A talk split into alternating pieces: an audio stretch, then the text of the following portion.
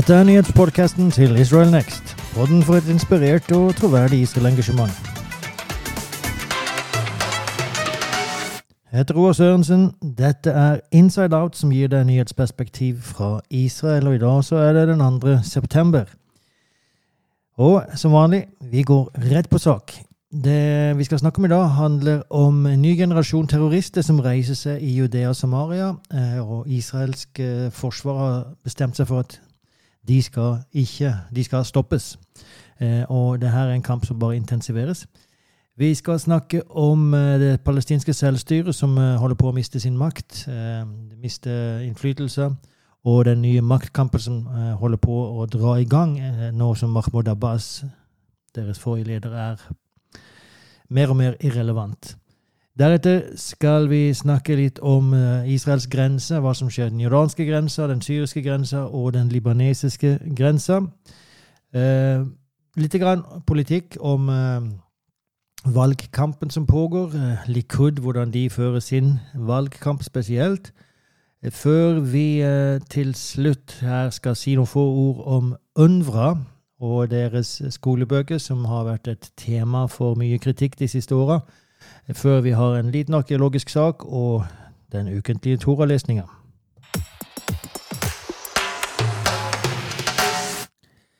Så de siste ukene, og vi har snakket om dette tidligere, så har terroren økt i Judea og Samaria.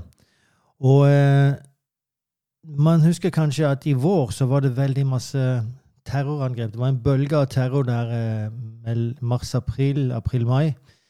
Eh, og eh, det var seks veldig dødelige terrorangrep med skytinger i, inne i selve Israel. Eh, og jeg husker ikke eksakt, jeg tror det var 14 eh, israelere som ble drept i disse angrepene. Dette ser vi ikke lenger nå, og det er ikke fordi at man har slutta å forsøke, men det er fordi at etter den uh, runda der så bestemte israelske myndigheter seg for at vi er nødt til å stoppe disse terroristene. De fleste på den tida de kom fra Jenin og Nablus. Um, og uh, det man bestemte seg for, det var at vi må se til at sikkerhetsgjerdet vårt fungerer igjen. For det har, i løpet av disse årene som det har stått, det ble bygd 2002 og så framover, og i løpet av alle disse åra så har det blitt lagd masse hull i gjerdet. Israelerne har ikke tatt det så nøye. Det har vært masse arbeidere som har kommet inn i Israel og fått seg jobb, og Israel burde behøve arbeidere. Og det er bra for den økonomien i det palestinske selvstyret, så Israel har sett mellom fingrene med dette. Men nå så har de altså stengt disse hullene, de har reparert gjerdet, og det er mye vanskeligere, og de har mye mer patrulje langs med gjerdet, så det er mye vanskeligere for terrorister å komme inn i Israel. Derfor har de begynt å angripe bosettere enda mer. De har jo alltid gjort det, men nå enda mer. Og de siste har vi jo hørt Forrige uke hadde vi om Josefs grav og angrepet der, og hvor det blir stadig oftere. Men òg bosettere på veier osv. Men da har jo altså IDF, den israelske forsvaret, bestemt seg for at dette skal ikke kunne skje. Vi må beskytte våre bosettere. Og de har nå dratt til seg mye av denne ilden, som, altså disse, denne skyteepisodene som pågår. Så 90% av skytinga nå for tida, det er rettes mot israelske soldater, og bare 10% mot sivile. Eh, og, eh, men bare for å litt sifre når det gjelder da skyteangrep, så har det vært 60 angrep bare i august. Og det er eh, like mye som det var hele fjoråret. Så der ser man hvor stor denne økninga er. I eh, tillegg så er det 220 skyteangrep som har blitt eh, stoppa før de ble utført av IDF og, og Shinbet, altså etterretningstjenesten. eh, i, uh, israelske soldater opererer jo nesten hver natt i uh, Judea Samaria. De går uh, inn i palestinske arabiske områder, henter ut terrorister, har veldig god etterretningsinformasjon. Og, men i løpet av disse nattlige raider som de gjør, da, så har dette året 87 palestinske arabere blitt drept. Eh, fordi da, de ofte begynner å skyte mot israelske soldater, og det, og det blir altså rene skyteslag som pågår der. Eh, det som òg skjer, det er at disse terroristene har nå forandra litt grann, både stil og, og metode og karakter. Eh, det er jo det her såkalte generasjon Z-terrorister. Altså født uh, slutten av forrige århundre og, og begynnelsen av dette, rundt år, årtusenskiftet. Og um, de er uh, mye mer uh, hissige på avtrekkeren enn de tidligere var. Tidligere så pleide man ofte å skyte, og så forsvant man. Nå så inngår man altså i store slag, altså skyteutvekslinger med israelske soldater. Og man er flere. Man har plassert seg ut strategisk, man har forberedt seg. Og, og det, det, blir mer eller mindre Altså mer som en, like en, en vanlig krig, så klart, men de, de gjør det jo innenfor sivilområdet, så uansett så er det jo veldig ulikt. Men de er mer organiserte, de er mer hissige, og de gir seg ikke. De overgir seg ikke. Eh, de skyter til de enten lykkes å komme seg unna, eller at de blir drept. Det er veldig få som blir tatt nå for tida. Og I tillegg så er de veldig fikserte på å legge dette her opp på sosiale medier og vise hvordan de da eh, kjemper og slåss, og hvor, hvor heltemodige de er. Eh, så en av de store forbildene for denne gruppa av terrorister, det var Ibrahim al-Nablusi. Eh, og han ble jo drept her for et par uker siden av israelske soldater i en akkurat sånn skyteepisode da Israel kom for å hente han. De hadde fått skikkelig bra etterretningsinformasjon om hvor han var. Og, eh, men han overga seg ikke, og det siste han gjør, er å filme. Ja, nå kommer de for å hente meg, og det er ikke sikkert det, det, dette kan godt være min siste post. Men der ser man altså eh, det her behovet for eh, oppmerksomhet. Eh, det følger til og med disse terroristene. Unnskyld. Eh, så det er altså en ny form for uh, terrorister som disse israelske soldatene møter. Det finnes to hovedårsaker til hvorfor uh, det finnes en uh, økning i terror. og Det ene er da gjerdet, som gjør at det blir mye vanskelig for de å utføre terror i Israel. Og det andre er at det palestinske selvstyret nesten kollapser. De har jo en, et sikkerhets... De har politi, de har uh, sikkerhet, uh, de har etterretning. Men det fungerer ikke. De, uh, de vender ryggen til, de gjør ingenting. Og Israel bryr seg mindre og mindre om de, for det, det, det, er ikke noe hjelp å få. Det skal jo finnes et samarbeid mellom Israel og det palestinske selvstyret, men det bare kollapser dette òg. Og alt dette henger jo sammen da med at det palestinske selvstyret er inne i en fase der de det, alle ser at nå kommer det et lederbytte. Mahmoud Abbas, eh, som nå leder palestinske selvstyret, er 86 år gammel. Eh, han blir mer og mer irrelevant. Han er ekstremt upopulær. Han synes mindre og mindre. Og eh, derfor så har det da begynt et sånn her slag etter han. Jeg skal snakks, straks komme til det. Men bare nevne at eh, i tillegg til det som da skjer på bakken inne i Judea Samaria, så har òg palestinske arabiske terrorister i fengslene, eh, som sitter altså fengsla i Israel, de har nå begynt, tusen av disse har begynt en hungerstreik. Eh, og man, årsaken skal være, den offisielle årsaken er at fordi de ikke har en offisiell eh, enhet som kan forhandle med det israelske fengselsvesenet om, om deres egne forhold og hvilke goder de skal få osv. Det er liksom den offisielle årsaken de gir, men internt, eller eh, de taler ganske åpent om det, så er årsaken at de vil forsøke å tenne opp eh, The Palestinian Arab Street, altså folket på gata. De forsøker å få i gang et opprør, en intifada, eh, mer terror eh, mot Israel i Judea og eh, kan de få det til i Israel òg, så er det jo de bare glad for det. Men uh, det her uh, kan faktisk virkelig bli en ildfakkel. og neste uke, hvis ikke noe skjer, så skal 1000 fanger til, ifølge planen iallfall, slå seg sammen med dem. Og, og, det kan virkelig bli en ildfakkel som tenner opp gata, for det, det, er veldig få saker som gjør det mer enn de, disse fangene, terroristene, som anses som helter i det palestinske selvstyret. Tilbake til denne her kampen om overtakelse overtagelse av det palestinske selvstyret.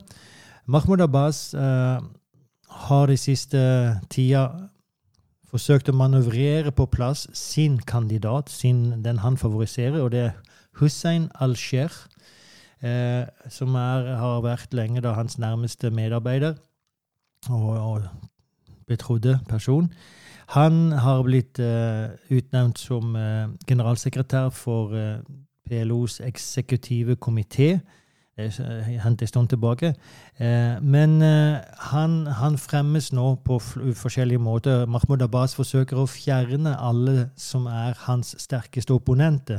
F.eks. Mahmoud Dahlan, Mohammed Dahlan eh, som har vært ansett for å være en, en sterk kandidat, eh, har eh, nesten blitt eh, irrelevant av trekk som Mahmoud Abbas har gjort.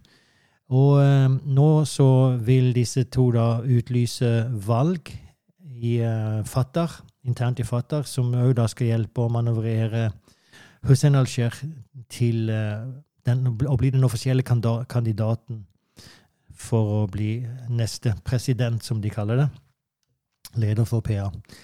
Eh, Abbas eh, truer folk, for det, det, er mye misnøye innen partiet fordi at måten dette skjer på, er ikke ifølge protokoll.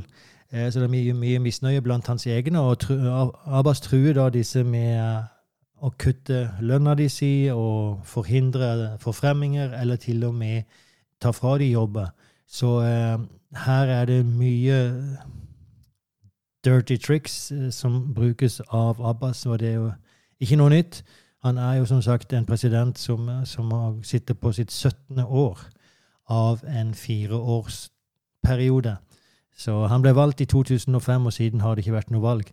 Så han er jo en diktator og bruker de metodene som han vil. Eh, og, og, til tross for det da, så har han Europas støtte. Eh, Al-Sheikh da eh, han eh, har eh, begynt å, å manøvrere sjøl, eh, bli kjent med alle personer av innflytelse internt i, i det palestinske selvstyret. Og ikke minst den yngre generasjonen, som han òg da lover forfremmelser hvis de støtter han. Det fins et par kandidater til som er hans sterkeste utfordrere. Det ene er Tafik al-Tirawi, som er etterretnings direktør eller leder for Etterretningstjenesten. Og det er Marwan Barghouti. Marwan Barghouti er en terrorist. Han sitter fengsla i Israel, har fått fem livstidsdommer fordi han uh, var ansvarlig for uh, drapet på fem israelere. Uh, det, det, har de kunnet bevise. I tillegg så har han vært ansvarlig for mye mer enn det, men det er hva man har kunnet bevise. Uansett, han var leder for en Tanzim-organisasjon, en terrororganisasjon, som utførte veldig masse terrorangrep eh, under den såkalte andre intifadaen. I alle fall, Han sitter i fengsel, men han er den mest populære kandidaten. Og eh, Abbas har eh, tydeligvis, ifølge visse kilder, har spurt de israelske myndighetene om ikke å frigi Marwan Barghouti hvis det skulle bli en eh, sånn her fangeutveksling eh, med Hamas noen gang. Så her finnes det veldig mye ondt blod mellom Abbas og Barghouti. så Al-Sherta forsøker å se til at ingen av disse her kan komme seg fram. Eh, men det som eh, man da forventer altså det, det, her kan skje på to måter. Det, det, det kan skje via valg, at uh, det palestinske selvstyret får sin nye leder. Det er veldig lite sannsynlig, fordi at alle disse kandidatene som jeg har nevnt her, de har væpna grupper bak seg som støtter dem. Og det sannsynlige er jo at når det først bryter løs, dette her, og om det først skjer etter at Abbas dør, eller om Abbas trer, fratrer sin posisjon, hva som enn skjer, eller om han bare blir så svak at han blir irrelevant. Eh, når det her bryter løs, så bryter det nok sannsynligvis løs eh, med våpen i hånd, og, kan bli et veldig stygt, eh, veldig stygt syn.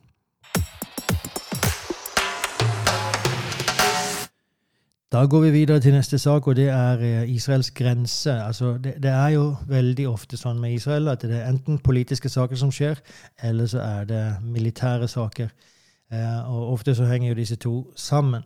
Eh, alltid henger de sammen, men eh, ofte eh, Iblant så er de mer enn men andre ganger mer åpenbar. I alle fall, eh, For å bare begynne med den jordanske grensa. Så eh, det er jo en grense som er det er Israels lengste, absolutt lengste grense. Går helt ifra Eilat og opp til eh, Genesaretsjøen, altså Jarmuk-elva der.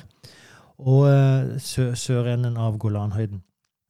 Og det her grensa har stort sett vært rolig da, siden Israel inngikk fredsavtale med, med Jordan. Noe jordanske kongen og regimet òg har en interesse av, for de vil ha gode relasjoner under bordet med Israel, selv om de overbordet veldig sterkt kritiserer Israel. Eh, men eh, i alle fall så eh, har denne grensa blitt mer og mer urolig de siste månedene. Og det er mer og mer smugling som pågår. Det er smugling av våpen og narkotika. Det samme som pågår på den egyptiske grensa. Våpen og narkotika. Der har du jo faktisk òg kvinner som smugles over den egyptiske grensa. Men her så er det våpen og, narkotika. Og der har det jo vært en enorm økning det siste året. Eh, så langt i år så har det vært 18 incidenter av smugling av våpen, der 300 våpen har blitt eh, beslaglagt. Eh, så det er liksom gjennomsnitt så er det jo 16 skytevåpen i, i hver tilfelle, så det er, det er ikke småtteri. Altså 16 ulovlige våpen i omgjengen, det er en del. År. Så Israel legger stor vekt på det her, har plassert ut mye mer styrke langs denne grensa. Uh, og I tillegg da, så finnes òg trusselen om uh, terrorangrep innenfra, altså fra Judea og Samaria. Vi er jo nå i Jordandalen. Den jordanske grensa ligger nede i Jordandalen. Det er selve elva som er grensa, og så går den midt gjennom Dødehavet. Men så er man der nede i Jordandalen, og oppe i fjellene da, i Judea Samaria, der finnes jo det palestinske selvstyret, og der finnes det òg terrorister som gjerne vil utføre terrorangrep mot jødiske samfunn i Jordandalen.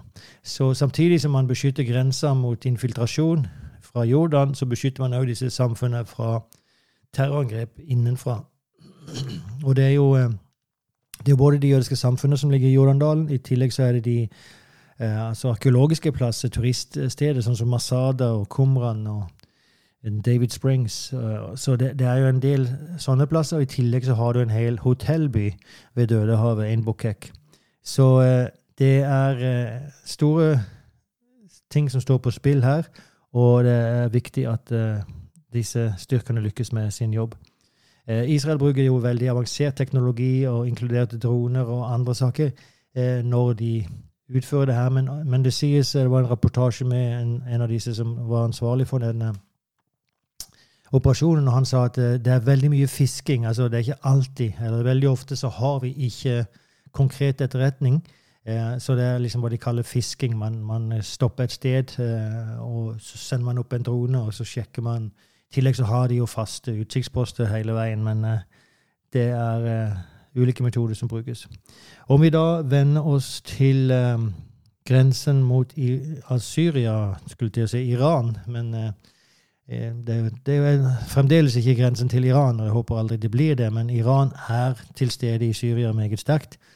Og eh, der så eh, har det så langt i år vært ifølge syriske kilder Og her er det jo fordi at Israel går ikke ut, og de innrømmer jo ikke når de angriper i, i Syria.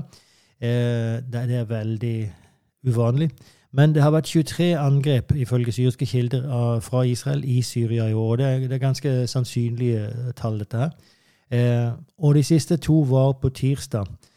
Da var målet ifølge iranske kilder et uh, iransk fly som uh, landa i uh, Khalab, eller Aleppo. Og da så angrep Mens dette flyet ifølge iranske kilder, da, mens det holdt på å laste av sin cargo, så angrep israelske eh, fly. Og det var tvungen til å avbryte avlastninga og, eh, og, fly til Damaskus. Og når det lander der, så, så angriper Israel eh, Damaskus. altså Vi snakker om flyplassen i Aleppo og flyplassen i Damaskus, og spesielt eh, flystripa. Eh, men eh, det, det, som til slutt skjer, det er at det her flyet faktisk må vende tilbake til Iran. Alt dette her ifølge iranske kilder. Og, eh, men det, det, kan være sannsynlig. Det, det, er absolutt ikke usannsynlig. I Israel så sier man jo da at ikke offisielt, men at dette sannsynligvis er pga. at dette flyet hadde avanserte våpen som Israel ikke på noen måte kunne tillate å eh, komme inn i verken Syria eller Libanon. dette angrepet fikk en uvanlig sterk respons fra Syria, som via sin, en av sine ministre gikk ut og sa at Israel leker med ilden, og vi kommer til å svare på dette, men til vår tid.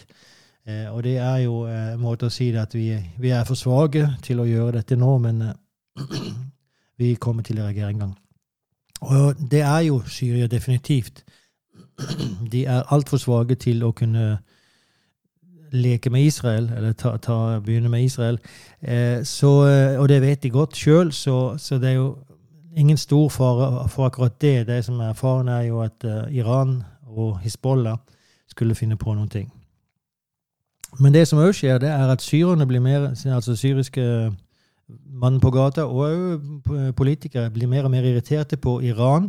Eh, og en uttalte seg på TV og sa at er nå må det bli slutt på at Iran og Hizbollah bruker Syria som et våpenlager. Så her så ser man òg en viss slutt på tålmodigheten. Så går vi til den libanesiske grensa, og der kommer vi nå inn i en ganske kritisk måned, fordi at om i løpet av en måned, i, i oktober, så skal Israel etter planen begynne å hente ut gass fra Karish-feltet. Og eh, det har Hizbollah sagt at det kommer de ikke til å tillate, at Israel setter i gang med produksjon derifra, før eh, de sine krav har blitt møtt når det gjelder forhandlingene om den maritime grensa. Eller forhandlingene når det gjelder de sine krav. De, de setter jo bare fram et krav og sier sånn vi vil ha det. Hizbollah, altså. Eh, så, jo, så, er jo ikke Hizbollah som forhandler med Israel, det er Libanon, den libanesiske regjeringa. Og eh, der har det jo vært mye varmere tone. Men de siste ukene ser det ut til, eller uka så ser det ut til at de har eh, drevet fra hverandre litt i disse forhandlingene. Og nå til uka igjen så skal en uh, på nytt da, en amerikansk megler komme og forsøke å få dette her i land. Eh, så uansett så kan denne, eller denne måneden her komme til å være veldig avgjørende for hva, hva som skjer, eh, og eventuelt hva Hizbollah våger å gjøre for noe. Vi snakket om Hizbollah i forrige, forrige uke, og hvordan de har holdt på eh, å forberede seg for en konflikt med Israel. Det har de jo gjort. Det, altså, det er jo det de gjør, men uh, mer intenst enn siste tida.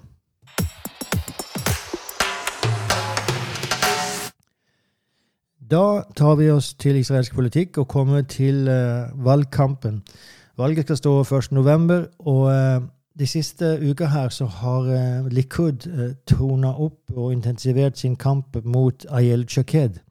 Uh, spesielt Ayel Chaked, men hun er jo leder for et parti som heter The Zionist Spirit. Ayel Chaked uh, var faktisk tidligere ansvarlig og, jobba på Netanyahus kontor. Hun var en av lederne der, og ansvarlig for hans kontor. men gikk jo ut derifra, som en del andre har gjort, og til slutt starta det her partiet ja, gikk inn i et annet parti som allerede eksisterte. Så ble det et parti til Jemina, og nå har det blitt til Zionist Spirit. Sammen med Naftali Bennett eh, til å begynne med, men ikke nå lenger. Uansett så uh, har hun blitt uh, ansett for å være en av Likuds hovedfiender nå. Og det har jo litt å gjøre med, det har veldig mye å gjøre med, at hun gikk med i denne regjeringa som nå sitter, og som er en regjering der du har muslimske partier med, du har venstrepartier med, og så har vi da Jemina, som altså betyr høyre, eh, og skal være til høyre for Likud, og er til høyre for Likud ideologisk sett. Eh, men de er med i denne regjeringa, og det hadde jo alt å gjøre med at man ville for all del ha en regjering. Og vi har snakka om dette tidligere. Eh, uansett, det har Likud, spesielt partiet, men òg velgere, mange av velgerne, sett på som et forræderi. Og nå så har de gått ut mot henne veldig sterkt. Det som skjedde denne uka, det var at på tirsdag så kom Jonathan Pollard. og Det er kanskje et navn som ikke er så kjent utenfor Israel, men veldig kjent i Israel. Han satt fengsla i USA i uh, det 25-30 år. Fra 80-tallet og, og fram til bare et par år siden. Og eh, på grunn av spionasje for Israel. Og eh, så hele den tida så, så ble jo det ble lobba for at han skulle bli frigitt, og Israel forsøkte på alle mulige måter gjennom sine politikere og presidenter å få frigitt han. Men det ble en prinsippsak i USA, eh, selv om det som han gjorde, var veldig lite alvorlig sammenlignet med andre som ble frigitt. Men eh, det ble en prinsippsak der borte. Uansett så ble han blitt en nasjonalhelt i Israel på mange måter. Eh, og så til slutt, når han ble frigitt, så gjorde han Aliyah. Han er jo en amerikansk jøde, har bodd i USA hele sitt liv. Men han gjorde Aliyah og, og flytta til Israel. Og den uh, uka da på tirsdag så gikk han ut på en video og uh, sa at han støtter Ayelet Shaked og Zionist Spirit. Og det som skjedde, der var at uh, noen timer etterpå så kommer han ut med en retraction. Altså han går tilbake på det han har sagt, og, og sier nei. Eh, det, det, viser seg at Ayel Chaked ikke står for eh, de løftene som hun lovte meg. Hun kommer ikke til å gjøre det som jeg ba om å gjøre, og derfor så går jeg tilbake på det. Eh, det høres veldig lite usannsynlig ut. For han, det som han sier at Shaked sa, det var at eh, Shaked skulle sparke sin nærmeste medarbeider. eh, altså ikke medarbeider, men en ja, en som også sitter på Knesset i dag. Uh, en som hun just hadde inngått et samarbeid med. Så uh, jeg skulle sparke han og litt ganske usannsynlige krav. Så det som mest sannsynlig har skjedd, og det som har skjedd, er at han fikk tonnevis med reaksjoner fra Likud, politikere og velgere. Det var jo Likud som i veldig mange år kjempa for at han skulle bli frigitt, og de følte seg òg nå forrådt av han. Så, så, der kom det veldig sterke reaksjoner fra Knesset-medlemmer, og kanskje fra Netanyahu sjøl, det vet man ikke. Eh, men eh, uansett så var det Netanyahu som dirigerte disse reaksjonene fra Knesset-medlemmene. Så i alle fall eh, Det leder til at han dro tilbake sin godkjennelse for Shaked. Da kom Joav Kish, som er altså Knesset-medlem for Likud, han kom ut og, og med sannheten om Ayelet Shaked, og hvorfor det er så enormt galt og feil og forkastelig å stemme på Ayelet Shaked. Eh, og de tre sakene som var de mest dominerende Unnskyld. Det var eh, som, som, han påsto, det var at uh, Shaked uh, ødelegger Israel som en jødisk og demokratisk stat. Hun vil ikke lenger at Israel skal være en jødisk stat, og derfor så har hun gitt statsborgerskap til uh, en masse arabere. og det stemmer at det har hun gjort, men faktisk mindre enn det Netanyahu har gjort. og det er en del av en prosess, altså det er noe som Høyesterett har sagt må gjøres osv. Men uansett så har, har, det skjedd under det her året, når Ayel gjelder har sittet i regjering. Og det har vært Chakeds avgjørelse. I tillegg så har hun inngått uh, samarbeid med et arabisk parti, det var jo uh, forferdelig, Ram. Og så har hun ikke bygd i bosetningene, ifølge Joav Kish. Um, det stemmer jo ikke at hun ikke har bygd i bosetninger, men hun kunne definitivt ha bygd mer. Og igjen, det kunne Netanyahu òg. Shaked kom da ut og, og snakket eh, eller hun bare kom ut med en post der hun egentlig Jaha, skal dere vite hva som er sannheten om Yoav Kish, da? Og så forteller hun noen stories hvor han har sittet på hos sitt kontor og, og ikke forstått hvorfor hun var imot en tostatsløsning. Og um, at han faktisk var ansvarlig for uh, forhandlinger med det muslimske partiet Ram uh, da han uh, for Likud straks før de, start, de etablerte denne her nåværende regjeringa. Så hun bare liksom kaster ballen tilbake i hans, hans gård. uansett, det her har blitt en, en ganske stygg fight, og det er det er interessant at Likud går så sterkt ut mot Ayel Chaked, som på, på ikke, ikke, klarer engang meningsmålingene og, og, og, kommer ikke inn på parlamentet hvis de siste meningsmålingene skal stå fast. Eh, men av en eller annen grunn så må man se at hun er eh, en trussel.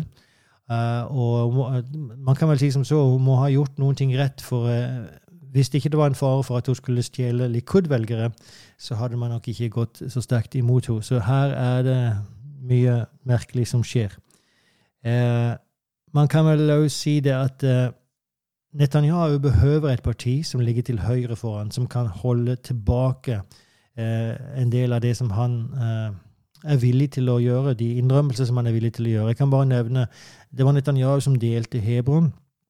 Eh, sånn at vi i dag, når man kommer til Hebron, så er det bare 20% som er under israelsk styre. og resten er under det palestinske selvstyret. Det var Netanyahu sin avtale. Så var han under enormt internasjonalt press. Jeg sier ikke at det her er lett, men det var det han gjorde. Han har sagt seg villig til en tostatsløsning. Det er hans berømte Barilan-tale. Han har tidligere sagt seg villig til å forhandle om Golanhøydene. Og han har utlyst en frysning. Han gjennomførte en frysning av, av bygging i bosetninger under langt over et år. Så det, det finnes saker der som, som, Netanyahu faktisk ikke har så veldig mye å, å, skryte av når det gjelder det som har med Eretz Israel, altså landet Israel, og uh, jødiske rettigheter til å bo i hele landet. så Derfor så behøver han noen som står til høyre for han og holder han litt igjen. Uansett, eh, det som Netanyahu holder på med for øyeblikket, da, det er eller Likud, det er å angripe Shaked, men så er det òg å forene resten av partiene på høyresida. Og det er spesielt da de ultraortodokse og to små partier lengst ut på høyre. Han lykkes å forene de to små partiene lengst ut. Eh, men de ultraortodokse partiene som jeg snakka om, eller så skrev jeg om det Iblant så blander jeg hva jeg skriver, og hva jeg sier. Eh, men eh, to ultraortodokse partier som lenge har vært stilt opp som ett parti. Og det er det som har egentlig redda de og sett til at de kommer over sperregrensa. Men denne gangen så har de problemer med å samarbeide. Og de blir ikke enige om hvem som skal lede dette her partiet. Og der er det nå problemer, så Netanyahu forsøker å gå inn der og megle og få de til å samarbeide, så ingen eh, Så ikke noen stemme går tapt. Så, og det kan man jo forstå. Det her er jo absolutt slag som man vil kjempe. Eh, på venstresida, bare for å ta med det, så er det òg litt uh, utfordringer med Labour og Merits, men det snakka vi om forrige gang. To små partier som òg har litt problemer med å klare sperregrensa, men det er godt mulig at begge to kommer til å klare det hvis de ikke uh, slår seg sammen, og det tror jeg ikke de kommer til å gjøre. Så har vi òg en interessant sak som skjer i de arabiske partiene. Vi har partiet som kalles The Joint List det består per i dag av tre partier. Det besto av fire fram til for et drøyt år siden, men da gikk Ram ut av The Joint List og gikk med i den nåværende regjeringa. Eh, de tre som ble igjen, de holder òg på å splittes opp når ett av de vil forlate. Eh, og hvis de gjør det, da kan man faktisk risikere at ingen av disse arabiske partiene klarer sperregrensa. Så her er det store ting som står på spill for ganske mange. Det er ganske mange røster som kan potensielt bli kasta bort i dette valget hvis alle disse splittingene her eh, ikke, skal, ikke skal forenes, og hvis de da ikke klarer sperregrensa.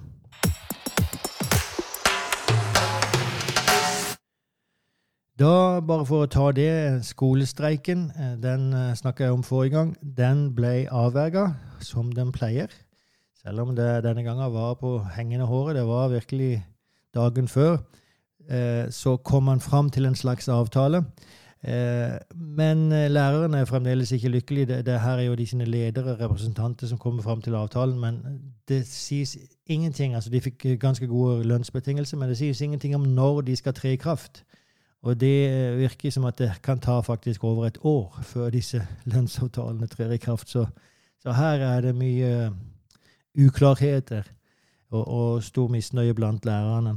I, tillegg så er det et eh, behov for lærere. Det er en stor mangel på lærere, og òg på klasserom. Så eh, det israelske utdanningssystemet det behøver virkelig uh, å, å, tas hånd om. Det behøver å reformeres, uh, og det behøver en uh, mer større budsjett.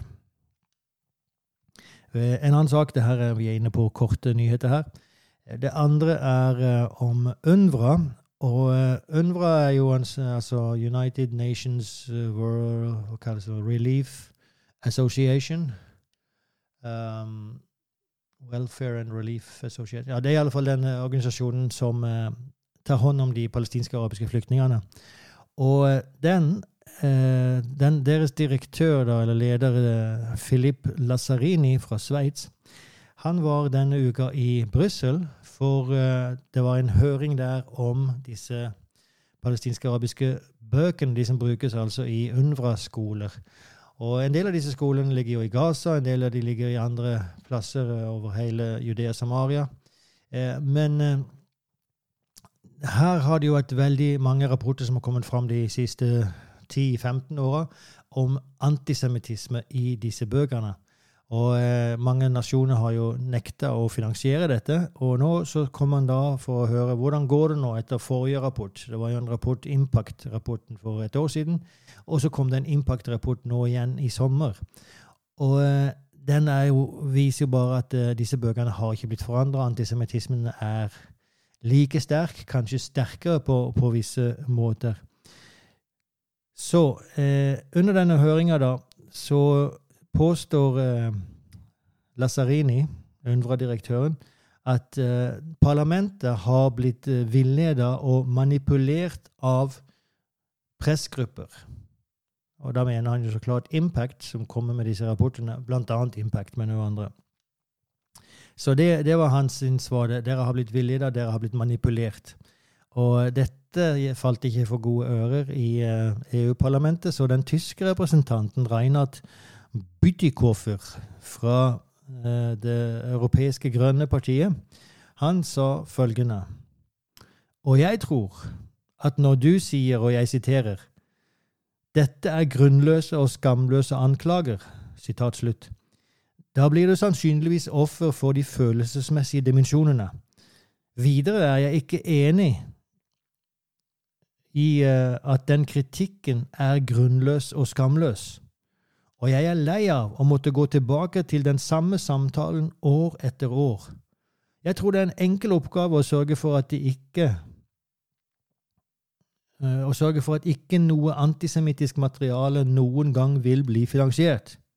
Så vær så snill, jobb med problemene i stedet for å fornærme de som reiser dem.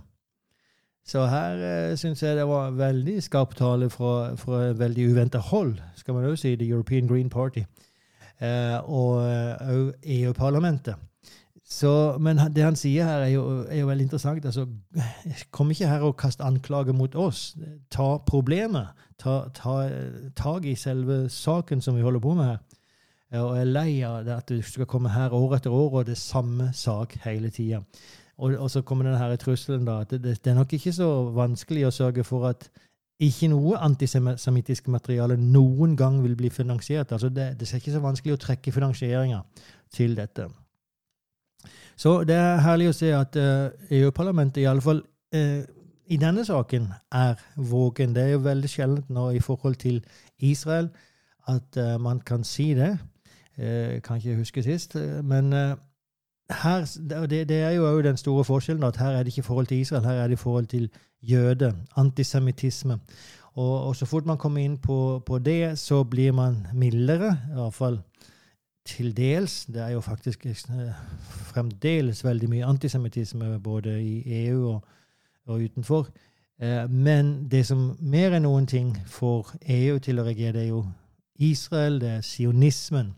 Ikke, sem, ikke semittismen, men sionismen. Ikke folket, men landet. Så eh, Men uansett, det var et, en oppmuntrende sak, akkurat dette her.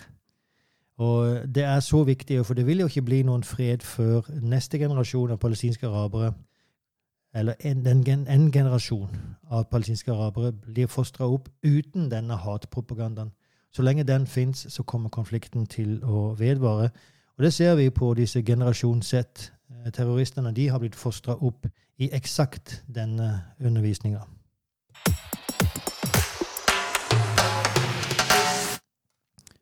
Da så kommer vi til arkeologi.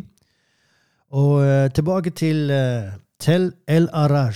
Araj. Jeg er usikker på hvordan man skal uttale det. Uh, men, for det, det, er jo et arabisk navn, egentlig. Men uansett, det er det bibelske Betzaida. Og uh, Vi har vært inne på dette tidligere, men uh, det finnes jo en diskusjon om hva som er det bibelske Betzaida. og eh, Fram til for noen få år siden så gikk man alltid til en annen plass når man besøkte Betzaida, som ligger litt lenger vekk fra Genesaretsjøen. Vi er i nordlige enden, nordøstlige enden av Genesaretsjøen. Eh, men den her ligger jo nesten helt nede ved vannkanten. Eh, poenget er at denne plassen har vært eh, oversvømt av Genesaretsjøen i mange, mange år. Og det skjedde ganske fort etter Jesu tid og den, den perioden der. Så, og derfor så kan man si denne byen mer eller mindre forsvant fra manns minne. Det skjedde ganske fort. altså Det skjedde, men så hadde gått, vannet gått tilbake igjen. så Det er litt forskjellig, for faktisk på 700-tallet så fantes denne her byen, og vi skal komme tilbake til det. Uh, men i alle fall så har det pågått utgravinger her, og i ja, kanskje seks, syv, åtte år, noe sånt. Og man har funnet veldig interessante saker. I sommer nå så fant man en inskripsjon. Man har jo funnet tidligere somre ei kirke. Man har funnet to inskripsjoner tidligere. De har vært avbrutt, de har ikke vært fullstendige. Nå fant man en tredje inskripsjon inne i denne kirka, og den var heil. Og der så nevnes Peter, og så omtales han som jeg har det på engelsk, 'Chief and Commander of the Heavenly Apostles'. Altså leder og kommandør for de himmelske apostlene. Så eh, det er jo interessant. Eh, og man tenker seg da at det, dette er den kirka som i bysantinske kilder eh, beskrives som bygd over Peter og Andreas hus. Og eh, Peter og Andreas de bodde jo i Betzaida. Så flytter de til Kapernaum eh, eh, ved et visst tilfelle. Og det er jo der vi finner dem under Jesu tjeneste. Men denne kirka da ble bygd over det huset de hadde i Betzaida. Så den inskripsjonen da, den ber om Peters forbønner. Den er fra ca. 500-tallet, 400-500-tallet. Eh, og nevner, inskripsjonen nevner også Konstantin, altså keiseren som, eh, som gjorde Romerriket til kristent eh, rike. Denne kirka er bygd på toppen av, altså over ruiner fra første århundre. Så det er det som er det interessante. Det er jo det som da eventuelt er Peters og Andreas sitt hus. Og det trodde man på 700-tallet. Da kom en tysk erkebiskop dit, Willibald. Og eh, en nonne som var med, han skrev rapport om hans besøk. Og, og hun skriver da om denne plassen at han besøker denne plassen, og der fins eh, en bysantinsk kirke bygd over Peter og Andreas hus. Og det her var i 725. Eh, så da, i alle fall, så fantes det en kirke over de sitt hus. I alle fall som man trodde var bygd over de sitt hus, ifølge tradisjonen. Så det er bare interessant. De kommer til å fortsette å, å grave i uh, Tel El Araj. Og det skal bli veldig interessant å se hva mer de kommer til å finne. Da har vi Parashat Hashavua, som denne gangen er uh, shoftim, altså dommere. Og det er fra 5. Mosebok 1618 til 2119. I sammendrag da, så handler dette her om å utnevne dommere. Det snakkes om en fullstendig eh, rettferdig oppførsel, at man, eh, det er det som forventes av eh, Israel. Når man ofrer, skal man ikke ofre noe med lyte, noe som ikke er fullkomment. Avgudsdyrkelse skal straffes med døden, men forutsatt at det er to eller tre vitner. Levitene skal dømme de vanskelige sakene når det kommer til disse domsaker. Eh, så er det snakk om en konges korrekte oppførsel. Hvordan skal en konge oppføre seg? Når, når dere kommer til å kreve en konge, så skal han oppføre seg på denne måten. Eh, så beskrives det prestene og levittenes del av offeret. Eh, Israel skal unngå Eh, disse hedningenes skikker som de fulgte i landet, så beskrives disse skikkene. Gud vil oppreise en annen profet, som Moses. Vi har den kjente uttalelsen der. Så skal Israel uh, utnevne ytterligere tre tilfluktsbyer når de da har inntatt landet. De har fremdeles ikke gjort det. Og de skal ikke fjerne eiendomsmarkeringer. Så, altså, du skal ikke stjele mark, du skal ikke snike til det mark. Uh, det snakkes om straffen som falske vitner skal ha. Vi har uttalelsen om øye for øye og tann for tann. Eh, det fins regler for hvem som ikke trenger å gå med i krig. Og så fins det regler for hvordan man skal forholde seg til byer som Israel erobrer, hvis de overgir seg, ikke overgir seg, osv. Og, så og hva man skal gjøre i tilfelle et uoppklart drap. Så det er egentlig hva dette handler om. Eh, to kommentarer. Den ene handler om eh, koblingen mellom fri vilje og rettssystemet. Og eh, hvorfor sette opp et rettssystem hvis vi har en fri vilje? Hvorfor gi lover i det hele tatt? Og det, det her er jo en ganske åpenbar eh, svar på dette her, men, men jeg eh, syns bare likevel det er verdt å dvele litt med, sånn som denne kommentatoren gjør. Um, og det fins da i rabbinsk tradisjon at hvis de ikke vi hadde hatt et uh, lovsystem, hvis ikke vi hadde hatt et sverd hengende over oss, så hadde vi spist hverandre levende, sies det i rabbinske kilder. Uh, og man kan faktisk eh, beskrive dette her og si at vi, vi hadde altså rent konkret spist hverandre levende. Uh, det høres jo utrolig drastisk ut. Og når man kommer til oss i dag, så tenker vi nei, men altså, vi er opplyste. Vi, vi skulle jo aldri finne på oss å oppføre oss så grotesk, selv om vi kunne.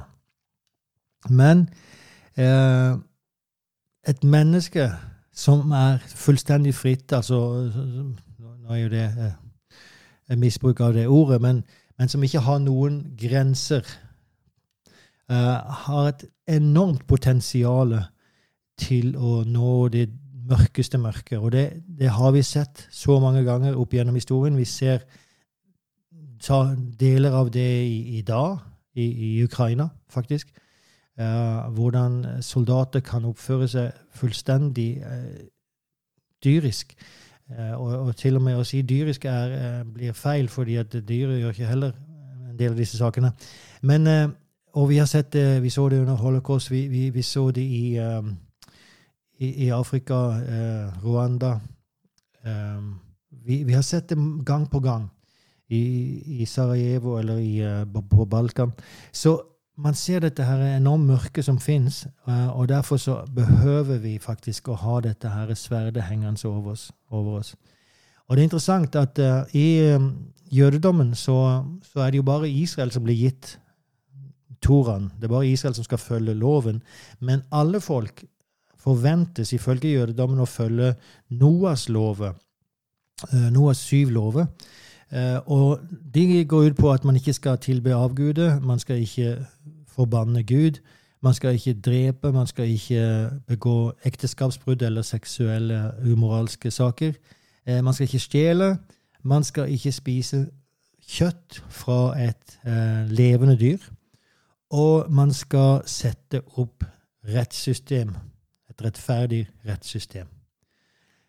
Og det er ganske interessant. Alle disse andre reglene før rettssystemet er ganske, ganske forståelige. Og så kommer det her som er litt annerledes. Eh, men så viktig er det at eh, det, Og dette drar ikke tilbake til, eh, til Noahs historie i Bibelen. Så, men man skal sette opp et rettferdig rettssystem. Det, det, er en interessant sak, og det er jo derfor som Det nye testamentet er så klar med dette, at adlyd myndighetene. Og det er ikke fordi at myndighetene er perfekte, men det er fordi at selv om de er uperfekte, så bærer de sverdet, og det gjør de ikke for ingenting. For hvis ikke det sverdet fins over oss, så, så kommer mørket til å bli veldig stort. Så eh, bare interessante uh, saker å, tenke gjennom disse tingene, for det er ikke alltid man gjør det. En annen sak, uh, kommentator snakker om ydmykhet. Og forskjellen på ydmykhet og selvfornedrelse det er absolutt ikke samme sak. Og dette tar oss til, i denne ukas lesning da, til um, 5. Mosebok 17, 18-20, som snakker om hvordan en konge skal oppføre seg. og han skal, han skal ikke samle på seg hester, med andre ord masse makt. Han skal ikke ta seg masse kvinner, og han skal ikke samle på seg rikdommer. Eh, og det er jo liksom de, de tre tradisjonelle syndene som ofte man nevner da eh, penger, sex og makt. Og eh, hvorfor Men det han skal gjøre, det er at han skal studere Guds ord. Dag, daglig skal han studere Guds ord. Og så står det hvorfor. Slik at hans hjerte ikke skal løfte seg over sine brødre. Altså så han ikke skal bli stolt, eh, men vil forbli ydmyk. Og eh, når man tenker på dette og, og, sammenligner det idealet som finnes i Bibelen, med idealet som finnes i de andre kulturene rundt omkring, Mesopotamia, Egypt og senere da Roma, Hellas, så ser man jo hvor grandiøst alt skulle være for disse kongene. Man bygde store statuer av seg sjøl, man bygde store bygninger. Man, altså Pyramider det er jo liksom for å herliggjøre seg sjøl etter døden. da. Eh, men alt mulig som, som, skulle virkelig vise hvor stor denne keiseren og kongen hadde vært. Eh, men her så sier, sier Gud dette er idealet. Bli, forbli ydmyk. Og, og så, I det så fins jo et par eksempler å følge, bl.a. Abraham, eh, som vandra ydmykt med Gud, og Moses, som det står var den mest ydmyke personen på jorda.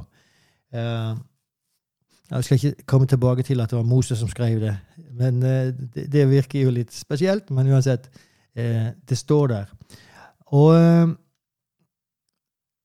det, det, som er viktig det her, eller en, en, sak som er viktig, er akkurat dette at ydmykhet er ikke selvfornedrelse. Og der så fins det en, eh, en rabbi som har sagt, Rambam, er veldig kjent, han sa at, uh, definerte det på denne måten. Ydmykhet er uh, the middle way mellom stolthet og selvfornedrelse. Altså, det, det er midt mellom stolthet og selvfornedrelse. Og Det er en ganske interessant sak. For, for selvfornedrelse det er jo bare å si 'Å, jeg er så dårlig, jeg er så elendig, og liksom, jeg kan ingenting'. Og det er ikke det som er ydmykhet.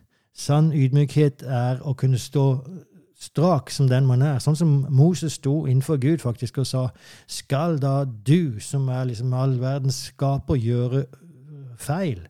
Altså når han ba for, eh, for, Israels folk Gud ville ødelegge Israels folk, og han står rett opp og ned der og, og tar Gud imot. Abraham på mange måter gjør samme sak eh, når det gjelder Sodoma og Gomorra. Så eh, det er ikke snakk om å være liksom, helt ut, selvutsletta. Men det, det er å, å, virkelig akseptere egentlig hva Gud sier om en. Men eh, ydmykhet da innser man, hvis man er ydmyk, så innser man at det handler egentlig ikke om meg.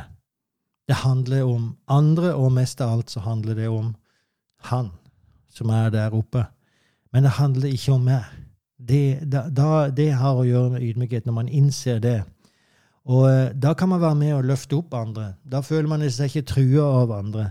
Eh, men man, man innser at jeg har min rolle å spille jeg spiller min rolle. Jeg, tar, jeg tar ikke liksom, uh, springer ikke fra den, men samtidig så har jeg ingen problem med å slippe andre til.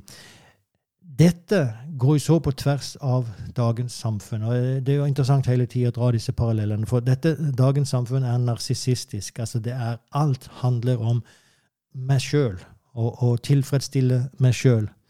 Og eh, det er absolutt det motsatte av ydmykhet. Det er ikke bare å tilfredsstille meg sjøl, men det er å vise hvor bra jeg er, osv. Vi, har alt dette med sosiale medier osv.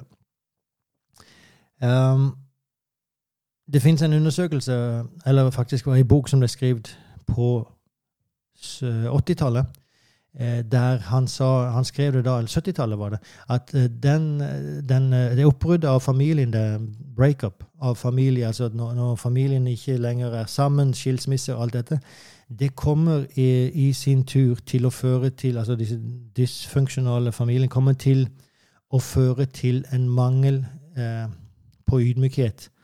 Eh, fordi at personer som ikke får møtt sitt behov av eh, reassurance, altså at, at de er noen ting, og at de betyr noen ting. Eh, de kommer til å søke det på andre måter. Det er tenkt at man skal få det behovet møtt i familien, der, eh, der du blir møtt med, med, kjærlighet for den du er, og, og, du blir bygd opp, og du blir oppmuntra osv. Eh, hvis man ikke lever i en familie som, som er funksjonell, så eh, forsvinner dette veldig ofte. Og da søker man det på andre måter. Så eh, og det leder veldig ofte da til en stolthet, eh, en, eh, der man er seg sjøl nok. Ok, eh, det kom bare ett sitat her til, til, slutt, og det kom fra Esra Taft Benson. Esra Taft Benson, som sa følgende Stolthet handler om hvem som har rett. Ydmykhet handler om hva som er rett. Veldig, veldig bra. Uh, og jeg vet ikke om det sammenfatter alt, men det sammenfatter definitivt en stor del. OK, that's it. Uh, da har vi kommet til veis ende, og bare minner deg om at uh, du får veldig gjerne støtte vårt arbeid. Det behøves. Og samtidig så vet vi at Gud er den som forsørger. Men om Gud minner deg på det, så får du gjerne støtte vårt arbeid. Og da finner du, det, finner du oss på VIPS, Israel Next. Og eh, du får jo gjerne være med å be for dette arbeidet, og du får gjerne være med å spre podkasten. Da skal vi komme til eh, den prestelige velsignelsen til slutt her. Yevarechecha Adonai v'yishmerecha. er Adonai panavelecha elecha v'yechonecha. Yisa Adonai panav elecha shalom. Ja, da eh, vil jeg jo bare helt til slutt eh, oppmuntre dere alle til å be for eh, pastoren på Livets Ord, eh, Janne Blom, som har vært ute for ei eh, motorsykkelulykke. Og bare be om fullstendig helbredelse og gjenopprettelse for han, og styrke for hans familie. Så eh, du finner informasjon om dette hvis du går til Livets Ord. Eh, så kan du finne mer. Men jeg vil bare oppmuntre deg til å være med og be for han. Ok, da sier jeg takk for denne uka, og til neste gang, si noe godt om Israel.